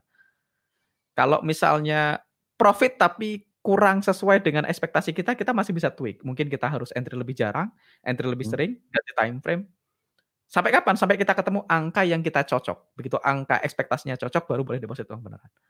Jadi hmm. prosesnya hmm. gitu aja terus diulang. Sampai kapan? Sampai ketemu yang cocok, baru deposit. Nah, kalau hmm. deposit, setelah deposit, dicek lagi performanya. Apakah performa kita setelah pakai uang beneran, karena akan beda, sama dengan performa kita waktu kita pakai akun demo. Kalau sama, lanjutkan. Hmm. Hmm. Kalau ternyata beda, dicek apa yang kita lakukan berbeda. Hmm. Apakah kita jadi nggak disiplin? Apakah hmm. kita jadi apa terus diperbaikin. Kalau ternyata buruk, ya stop trading akun real, balik ke demo lagi. Sampai kapan? Sampai terbukti bisa making money di demo, baru boleh balik ke real lagi. Ya prosesnya hmm. gitu aja tuh, sampai kita benar-benar punya skillnya. Jadi hmm. ya harusnya ya nggak nggak perlu berdarah-darah kan ada akun demo, jadi nggak perlu kehilangan uang, nggak perlu nggak perlu ribut sama istrinya, nggak perlu disita barang-barangnya kan ada banyak yang disita barang-barangnya gara-gara trading. Nggak perlu pengorbanan ya. ya. Jadi dari sebenarnya saya punya satu pertanyaan, tapi ternyata sudah bisa disimpulkan. Mental yang wajib dimiliki oleh seorang trader itu adalah testing. Ya, testing. Ya, tester. Tester. Makanya ya. jangan percaya siapa pun, yang kata-kata saya selalu jangan percaya siapa pun karena selama yang dia ajarkan benar, selama strateginya terbukti making money, itu nggak peduli apakah mentornya making money atau tidak. Hmm. Belakangan saya baru dapat kabar bahwasanya salah satu mentor saya, salah satu mentor yang saya idolakan gitu ya, terbukti akunnya tidak profit. Di audit satu tahun dia minus 20 ribu dolar. Hmm. Which is means nothing karena semua yang diajarkan saya testing terbukti making money. Ya, itu dia. Pandangan seperti apa sampai bikin mas uh, means nothing terhadap situasi seperti itu? Karena mostly orang akan terguncang dan merasa bahwa oh gawat nih, berarti skill yang diajarkan kacau dong. Seperti itu. Iya, karena uh, saya selalu manage ekspektasi saya. Saya saya, saya belajar bahwasanya don't meet your idol katanya, manage ekspektasi. Terus saya manage ekspektasi kalau saya kalau saya suka sama Mas Agus karena Mas Agus ngajarin saya membaca cepat misalnya, karena baca kilat ya saya akan uh, belajar baca kilat. Hmm. Karena misalnya Mas Agus merokok kan di luar urusan dengan baca kilat misalnya kan, misalnya hmm. gitu. Jadi jadi saya nggak akan kecewa misalnya terbukti Mas Agus merokok misalnya, padahal saya nggak merokok misalnya, karena ada orang kan gitu, wah ternyata dia hmm. ngerokok, motivator kok merokok, nggak bisa memotivasi diri untuk menerima kok, misalnya dia bilang kayak gitu. Walaupun nggak ada yang salah juga, merokok kan nggak kriminal kan, cuman kan ya nggak perlu juga kan, menurut saya selama yang diajarkan masuk akal, kita tes dan ukur di kehidupan kita masuk akal ya, ya saya nggak perlu gimana-gimana. Nah, ya, ini, in fact, ini guru saya tuh berhenti trading dan saya nggak apa-apa orang dia ngajarnya benar. Hmm. Yang penting kan dia ngajarnya benar. Betul, betul, betul. Yang kita bayar kan memang memang memang mulutnya, kasarnya kan gitu. Kita nggak hmm, bayar hmm, keseluruhan. Kontennya. Hmm. Betul. Kita bayarkan kontennya. Tahun tahun 2007 tuh saya pernah belajar um, hipnoterapi, Mas. Hmm. Jadi saya belajar sama seorang guru dan sampai sekarang juga uh, masih jadi teman baik dan juga selalu saya selalu menganggap beliau guru yang luar biasa gitu ya. Banyak hal yang uh, juga mengubah hidup saya. Bahkan waktu Perpustakaan Nasional Republik Indonesia meminta saya untuk menyusun grand design pemuda yang kegemaran membaca juga saya minta bantuannya ke dia gitu ya. Hmm. Nah, waktu tahun 2007 itu kita lagi sesi menghilangkan uh, kebiasaan merokok. Oke. Okay. Nah, Diajarin semuanya, kita catat. Oh, oke okay, ini make sense. Oke, okay, mental blocknya mulai dari mana ini make sense. Kita kita catat. Begitu break, dia keluar, dia merokok di luar. saya, saya protes habis-habisan gitu. Hmm. Tapi uh, dia jawabnya santai aja gitu kan. Tapi in the end dia berhenti merokok karena kesehatan. Uh, dan ya ya dia, itu, dia jawab ya nggak apa-apa ini memang pilihan saya untuk merokok itu. Hmm. Gitu aja. Ya kalau kamu mau merokok, merokok aja. Kalau klienmu mau uh, mau nggak merokok ya sini saya bantuin gitu. Jadi benar-benar uh, ya saya ya saya pilih ini pilihan saya. Ini teknis-teknis ya gitu.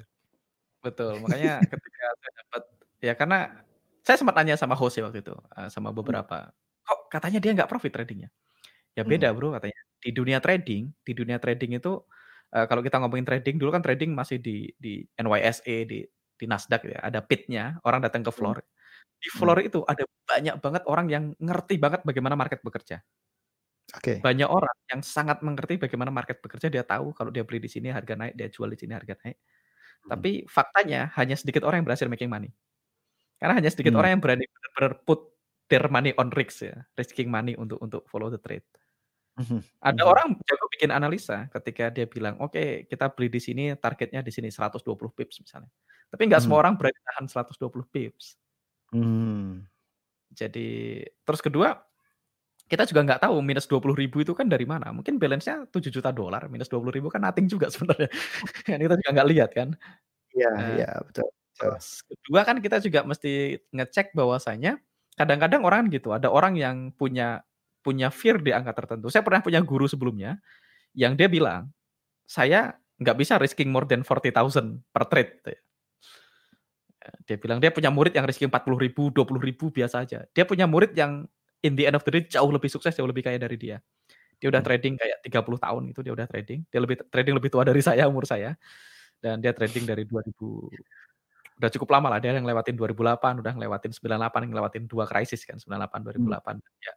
Dan dia bilang 2008 adalah hari terbanyak dia making money. Dan dia punya murid, muridnya itu dulu musisi, belajar trading sama dia dan akhirnya muridnya jauh lebih sukses dari dia. Simply karena muridnya ketika risking banyak ya SL ya damai aja, TP damai aja. Dia bilang hmm. aku nggak bisa, aku SL 40 ribu langsung ke toilet katanya. ya, nah itu juga penting mesti dilihat bahwasanya ada orang yang ketika ketemu angka gede jadi chicken walaupun dia sangat jago jago analisa. Nah, hmm. makanya saya menjaga saya tidak perlu tahu guru saya performanya seperti apa supaya saya nggak perlu mengukur diri saya sama dia. Saya perlu mengukur diri saya sama diri saya sendiri. Karena kan kita nggak hmm. nggak fair kalau mengukur performa trading kita sama orang lain. Karena waktu yang diinvestasikan berbeda. Kayak Mas Agus kan punya kesibukan misalnya, punya bisnis yang lain misalnya. Sedangkan saya totally pengangguran. Ya nggak bisa disamain speed belajar tradingnya dong. Hmm, hmm, hmm. Karena saya mungkin belajar tiga jam sehari, Mas Agus satu jam sehari misalnya. Jadi kan kita kalau kita compare sama dia, kita akan merasa lambat. Dan akhirnya kita merasa nggak ke mana-mana. Oh, apalagi kalau saya tahu dia win rate-nya berapa. Kan saya nggak pernah tahu dia entry-nya berapa kali kan gitu. Jadi hmm. makanya saya nggak pernah nggak pernah pengen compare dan nggak pernah pengen tahu guru saya menghasilkan berapa apa pun, nggak pernah pengen tahu. Pokoknya kalau dia ngajar, ya saya catat materinya, terus saya tes di saya menghasilkan sekian. Nah, kalau di saya menghasilkan sekian, perkara dia make more atau make less atau dia nggak making money bukan urusan saya. Nah, itu, mhm. itu itu ya kata-kata yang saya pegang sampai hari ini itu yang bikin saya damai. Karena katanya kan gitu. Salah satu cara cara paling gampang untuk merasa lambat adalah balapan lari sama sprinter. Pasti kita merasa lambat. Jadi, Jadi never compare ourselves sama orang lain gitu ya. ya. Sama diri kita kemarin aja kalau mau compare kan. Betul. Betul. Hmm. Betul.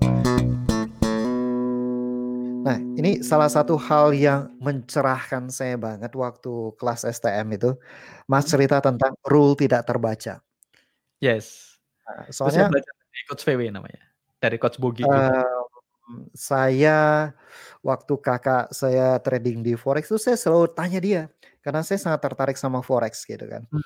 Saya tanya dia, "Gimana kamu sejauh ini?" Gimana dan lain-lain.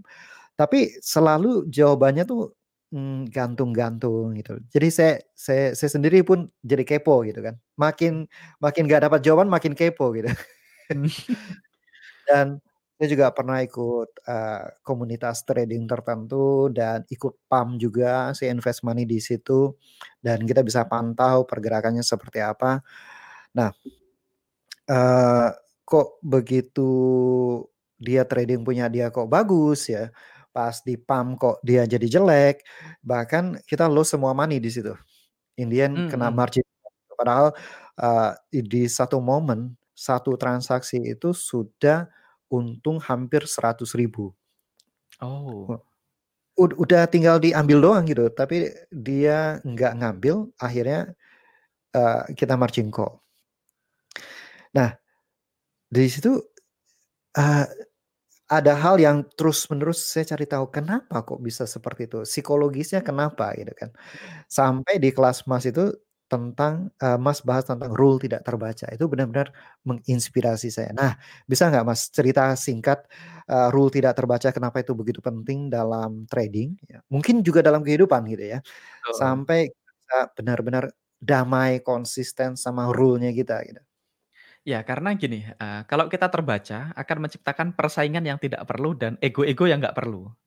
Kayak hmm. misalnya gini, saya selalu uh, saya punya teman yang belajar trading bareng, saya nggak saya nggak pernah tahu, saya nggak pengen tahu balance-nya dia dan saya juga nggak pengen ngasih tahu balance-nya saya.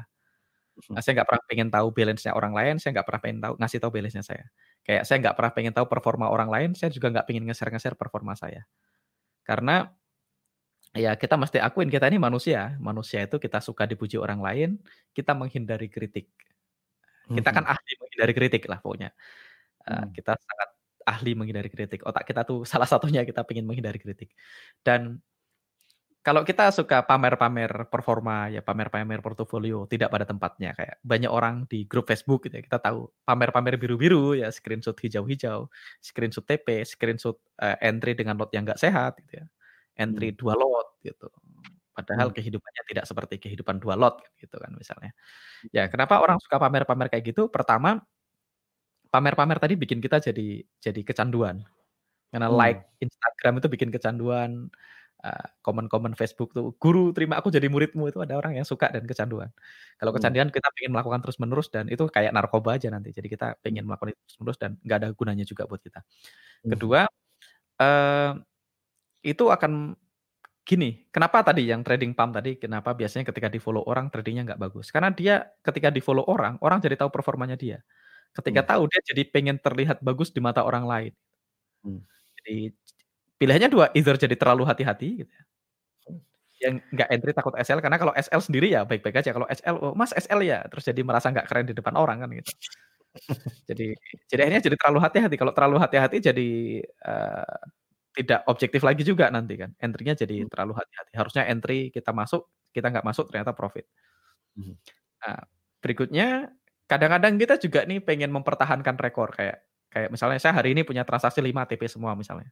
Kalau orang hmm. tahu saya TP semua, saya akan merasa lebih keren dari biasanya gitu. Terus saya cenderung berusaha mempertahankan rekor saya TP terus. Saya punya 10 transaksi TP semua gitu. berturut-turut. Hmm. Berarti saya cenderung pengen mempertahankan itu, which is nggak sehat kan. Wah, udah nggak perlu lagi kan itu perasaan-perasaan yang nggak perlu. Makanya saya nggak pengen terbaca dan kedua saya belajar ternyata guru-guru di luar sana, orang-orang di luar sana itu mereka selalu berusaha tidak terbaca. Para trader-trader kelas dunia itu mereka nggak pernah terbaca. Kayak Livermore gitu ya dia bilang dia menghindari hingar-bingar uh, dari Wall Street gitu. Dia menghindari dia pakai nama palsu, gitu. dia trading pakai hmm. alamat palsu karena dia pengen pengen nggak terbaca. Nah nggak hmm. terbaca itu dalam dua hal. Karena saya nggak pengen tahu performa orang lain, otomatis uh, saya nggak pengen niru-niru cara orang lain yang tidak teruji. Karena kalau kita misalnya join-join, kenapa salah satu alasan saya nggak ada di banyak grup-grup komunitas trading? Banyak orang kan gitu, dia habis belajar cara trading, Terus dia join komunitas dia bilang profit 200% sebulan terus dia pengen coba, terus coba ganti lagi hmm. tekniknya. Coba lagi hmm. ganti lagi tekniknya. Jadi saya nggak pengen tahu performa orang lain, di saat yang sama saya juga nggak pengen orang lain tahu performa saya. Mm-hmm. Kenapa? Karena akan menciptakan persaingan yang nggak perlu sama diri sendiri. Atau temenan lah, misalnya kita berdua sama-sama belajar bareng, gurunya sama, kita sekelas nih. Kita hmm. sama-sama start dengan 5.000 dolar. Ternyata bulan depan pas aku jadi 7.000, saya jadi 6.000. Terus saya kan merasa, wah saya harus ngejar nih.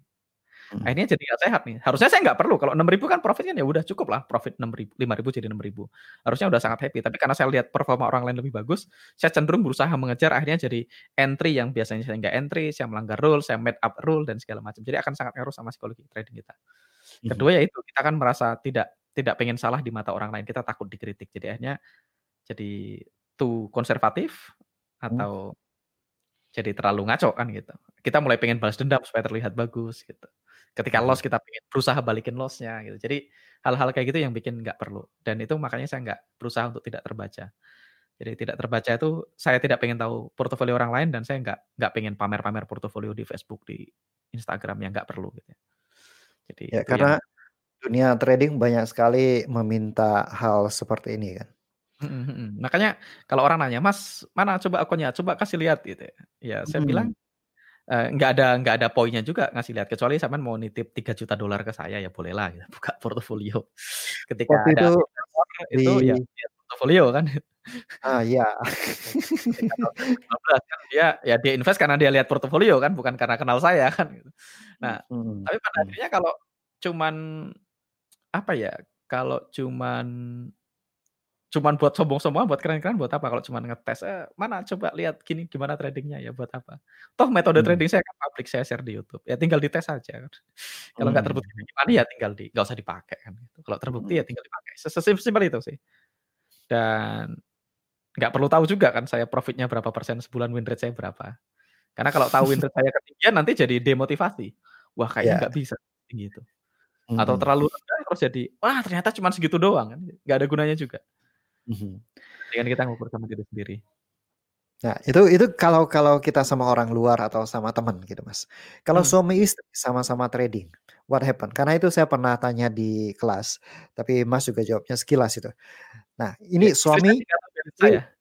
Kenapa? Istri saya juga nggak tahu balance saya berapa. Iya, tapi kan dia nggak trading atau dia trading juga? Nggak. Nah, dia nggak. Kalau trading kalau, lebih lebih tidak perlu tahu lagi. Nah, kalau sama-sama trading apa tipsnya? Kalau sama-sama trading ya fokus sama plan aja sih. Kalau mau diskusi plan boleh, kalau mau diskusi trading plan boleh, tapi tetap nggak perlu saling tahu balance-nya berapa, profitnya berapa. Mhm, itu tetap pengaruh. Karena kan misalkan nih, misalkan Mbak Liz Iya, apalagi suami gitu kan. Nah, misalnya Mbak Lis trading gitu kan. Hmm. Terus tiba-tiba di ulang tahunnya Mas Angga gitu, bulan Juni. dibelikan mobil baru gitu. Wih, kamu dapat uang dari mana ini? itu kan uh, bagaimanapun saling nggak nggak terbaca pun suatu hari juga akan tergali-gali juga gitu. Loh, kan tidak terbaca 100% Mas. Kalau sesekali kan boleh. Sesekali hmm. cuma ya kadang-kadang saya juga share kok kayak uh, bulan April lalu saya sempat share sama istri saya. Oh, saya hmm. sebulan hmm. dapat sekian gitu. Terus hmm. dia lihat dia langsung pengen ikut survival to mastery. nah, bulan itu kayak saya kayak eh, gede banget Good. sih. ya, yang terbaik ya. ya bukan yang nomor satu sih tapi di tahun 2020 ini April salah satu yang terbaik saya making sangat gede ya. ya punya win rate yang sangat tinggi di bulan April dan kadang-kadang saya rule ya rule-nya sih rule saya ya, DA trade ya. Hmm. Nanti di share. Iya iya siap. Nanti malam. Kasih nama sendiri soalnya. Oke. Nah, ini terakhir, oke. Apa Uh, apa saran Mas untuk supaya pendengar-pendengar Sing Your Life ini bisa mensinkronkan kehidupannya? Apa yang harus diprioritaskan dulu? Ah, apa yang harus diprioritaskan dulu itu mesti ditanya sama diri kita tuh. Apa yang hmm. harus diprioritaskan dulu. Jadi, uh, salah satu hal yang saya pelajari adalah belajar dulu apa yang penting buat buat hidup kita. Tanya ke diri kita, hmm. apa sih yang paling penting? Karena hmm. kalau kita tidak tahu apa yang penting, nanti kita jadi bingung waktu ngambil keputusan. Hmm. Nah, saya pernah nulis story, "The most important thing is to keep the most important thing, the most important thing," kan gitu. Jadi Ya itu kan, the most important thing is to keep the most important thing, the most important thing. Jadi hal pertama justru yang harus kita bahas sebelum kita ngomongin mau sukses, mau segala macam ya kita mesti ngasih ngasih arti-arti yang sadar dalam kayak tadi sukses adalah sukses adalah pengorbanan, sukses penuh perjuangan itu harus dibahas. Salah satunya hmm. juga tes apa apa yang paling penting buat hidup saya. Kita mesti hmm. mulai ukur dulu misalnya mana yang penting keluarga sama karir penting mana. Hmm. Dicek dulu misalnya pekerjaan, keluarga, kesehatan penting mana? Hmm. Uang penting mana? Ya, jadi dibikin urutan dulu. Jadi kita bikin berapa kategori di hidup kita misalnya relationship, uh, spiritual, emosional, hmm. terus hmm. karir, finansial, hmm. quality of life, gitu ya. Quality of life itu hotel bintang 5 mobilnya seperti apa, terus kita misalnya pendidikan kita, terus parenting, hubungan sama anak. Ya kita bikin list kategori-kategori. Mm-hmm. Habis itu dari kategori tadi yang pertama yang kita mesti eh, bahas adalah mana yang paling penting dulu diaduin dulu satu sama lain.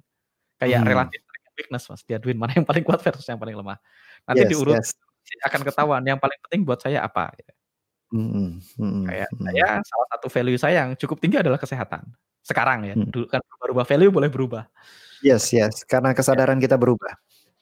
Ya value boleh berubah. Terus habis kesehatan baru keluarga misalnya. Ada hmm. orang yang keluarganya lebih penting dari pekerjaan, ada orang yang pekerjaan lebih penting dari keluarga. Nah, kalau kita masih belum tahu mana yang lebih penting, ya ya kita akan bingung kan gitu. Ketika kita mengambil keputusan jadi susah.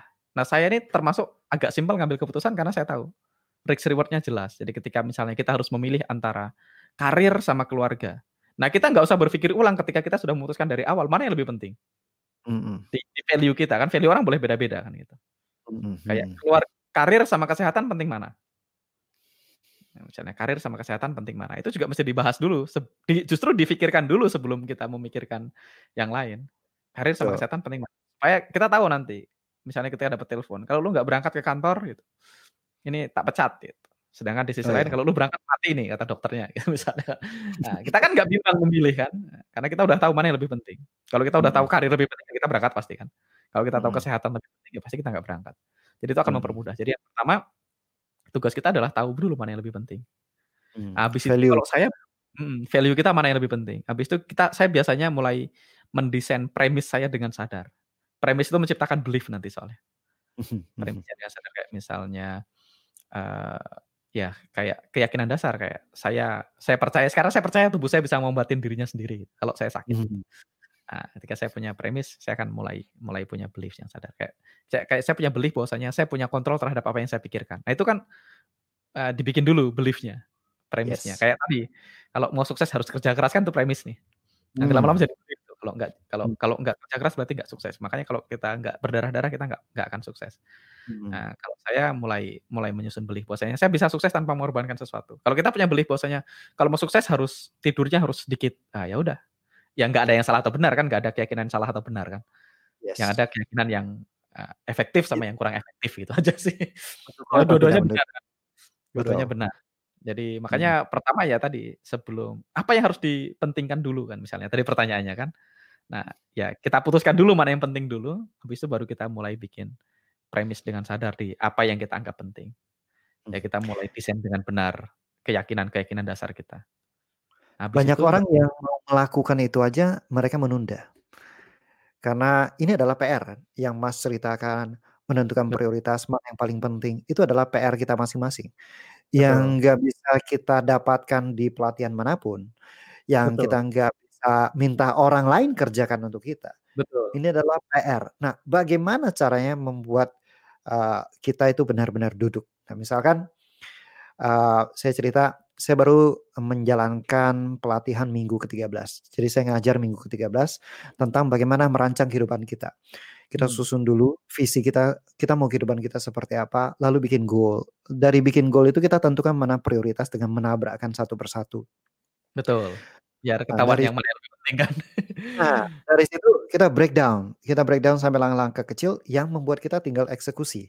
Itu kan hmm. PR. Sampai kita Betul. bikin kurikulum pengembangan diri kita. Ki, hmm. Kalau kita udah punya kurikulum pengembangan diri, itu berarti kalau misalkan saya lihat, oh, saya mau sukses di forex ketika saya belajar, saya ketemu sama Mas Duyan, saya pelajari, oh ini kurikulum yang saya harus ikuti. Ternyata hmm. kalau misalkan saya lihat, oh ini ngomongin tentang saham, oke, itu sesuai nggak sama kurikulum saya? Nggak sesuai, oh. ya udah, saya abaikan, saya say no gitu kan.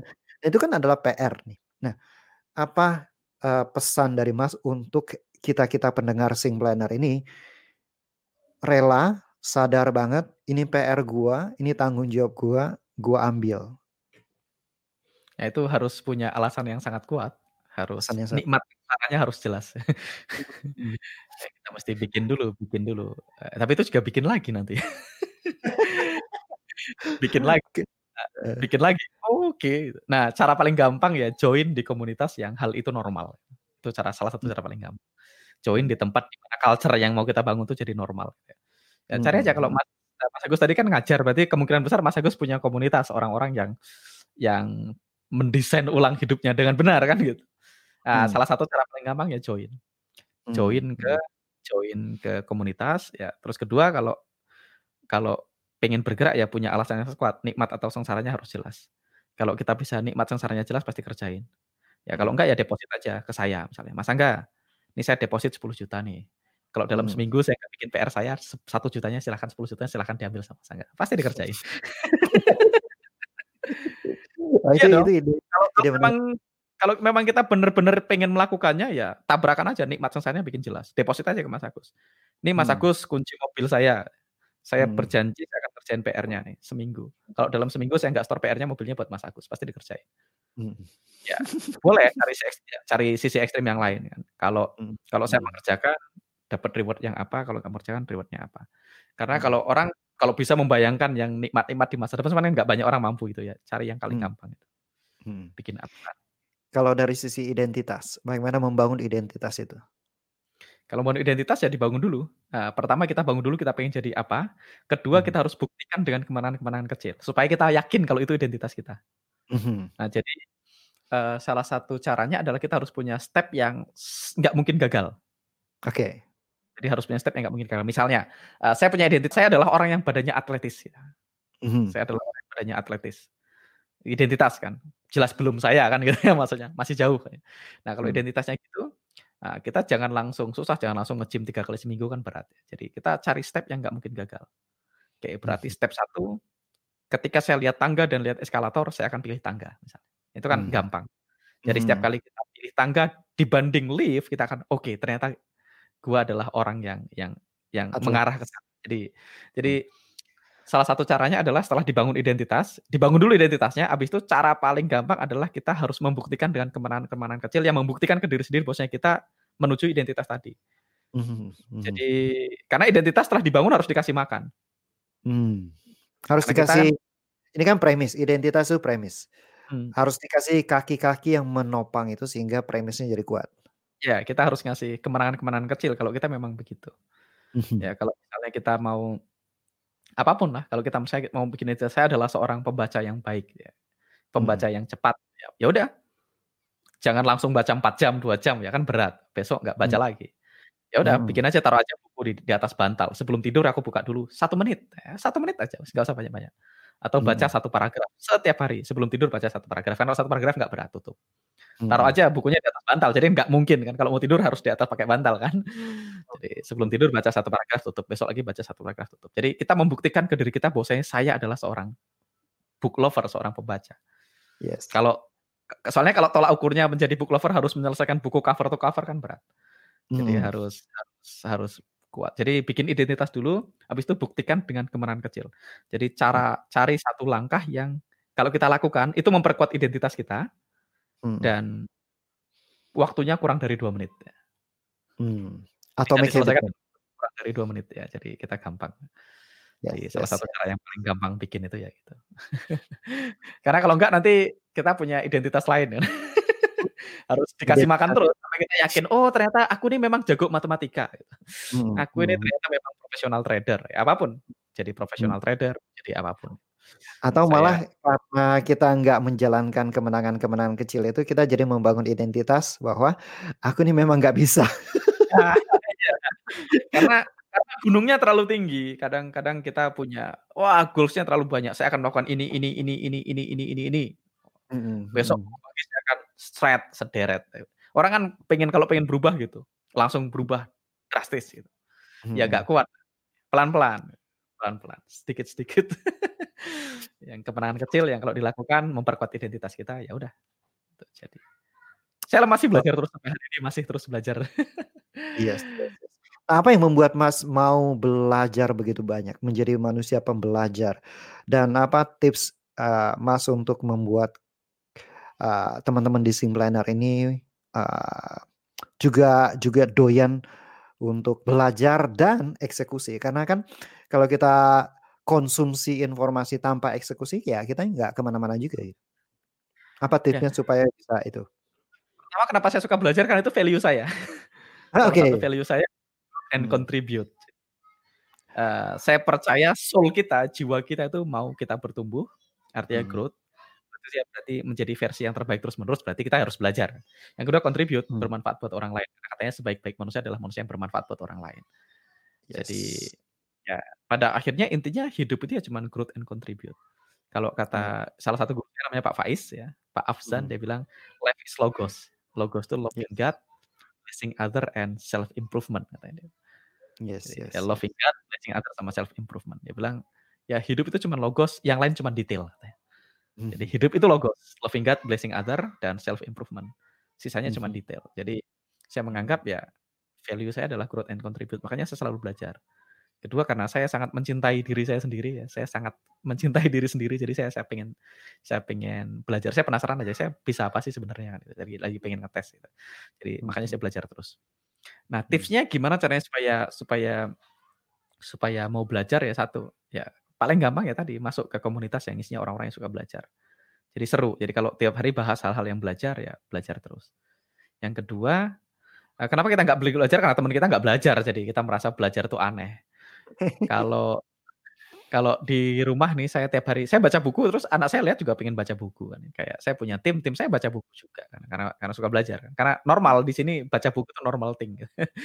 Jadi itu yang pertama. Yang kedua ya jangan banyak-banyak. Kalau udah dapat misalnya baca buku atau belajar apa pun ya, saran saya sih fokus sama satu tema setiap minggu, Mas. Hmm. Jadi kayak minggu ini saya belajar intermittent fasting. Ya udah, pokoknya minggu ini ya semuanya intermittent fasting aja.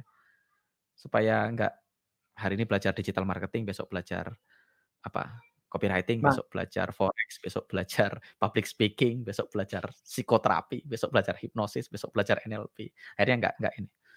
Jadi kita Jadi mesti dulu di immersion istilahnya. Total immersion. immersion. Jadi ada hmm. temanya lah, minimal satu minggu ada temanya. Minimalnya, misalnya minggu ini saya mau belajar intermittent fasting. Ya udah, pokoknya minggu ini semuanya saya pelajari intermittent fasting semua. Jadi hmm. saya cuma dapat satu, dua atau tiga hal yang bisa langsung dipraktekkan. Jadi hmm. gampang. Kalau misalnya temanya minggu ini belajar apa? Belajar copywriting ya udah copywriting aja. Jadi nanti kita langsung begitu dapat ide langsung dieksekusi, dapat ide langsung dieksekusi. Hmm. Nah, saya biasanya kalau dapat ide langsung dieksekusi. Nah, saya kebetulan punya tim. Saya punya tim yang tukang catat. Tukang catat. Saya punya WA, catatan. Salah satu fungsi WA yang penemu WA tidak tahu adalah jadi catatan. penemu WA tuh nggak tahu kalau WA itu fungsinya buat nyatet.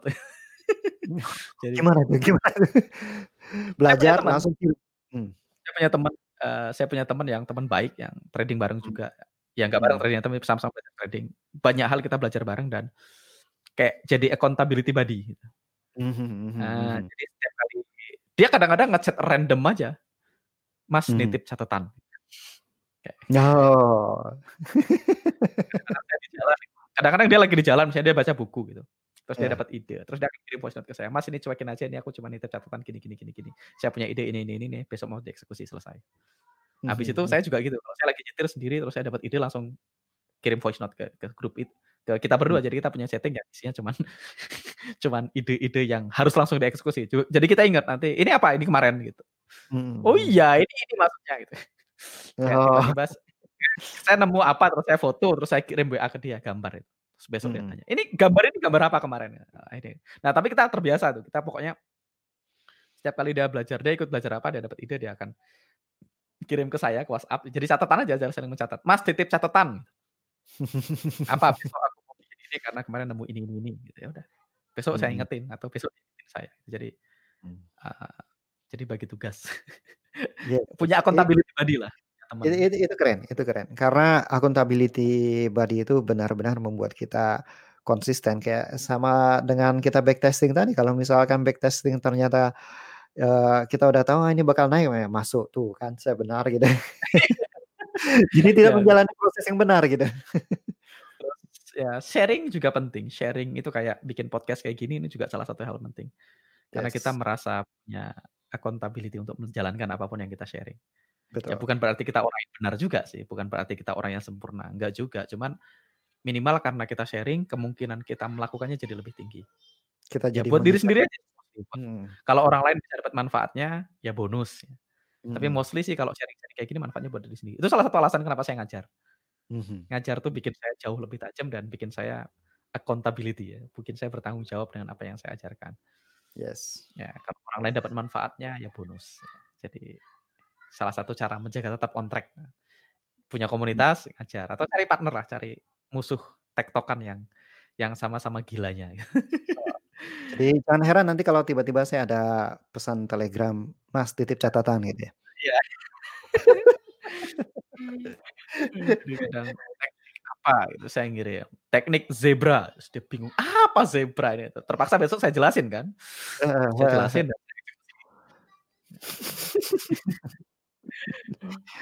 Oke oke oke. Nah, nanti kalau dilanjutkan lagi kita bisa lanjut lagi Oke, sekian dulu, uh, Mas eh, Duyan. Mas, uh, thank you so much. Satu setengah jam yang sangat-sangat insightful. Semoga harapan saya ini di podcast ini, Anda yang mendengarkan podcast ini atau menonton video ini di YouTube bisa dapat insight, dapat pembelajaran tertentu dan maafkan kami sampai satu setengah jam karena memang sama-sama pembicara sama-sama suka ngajar gitu.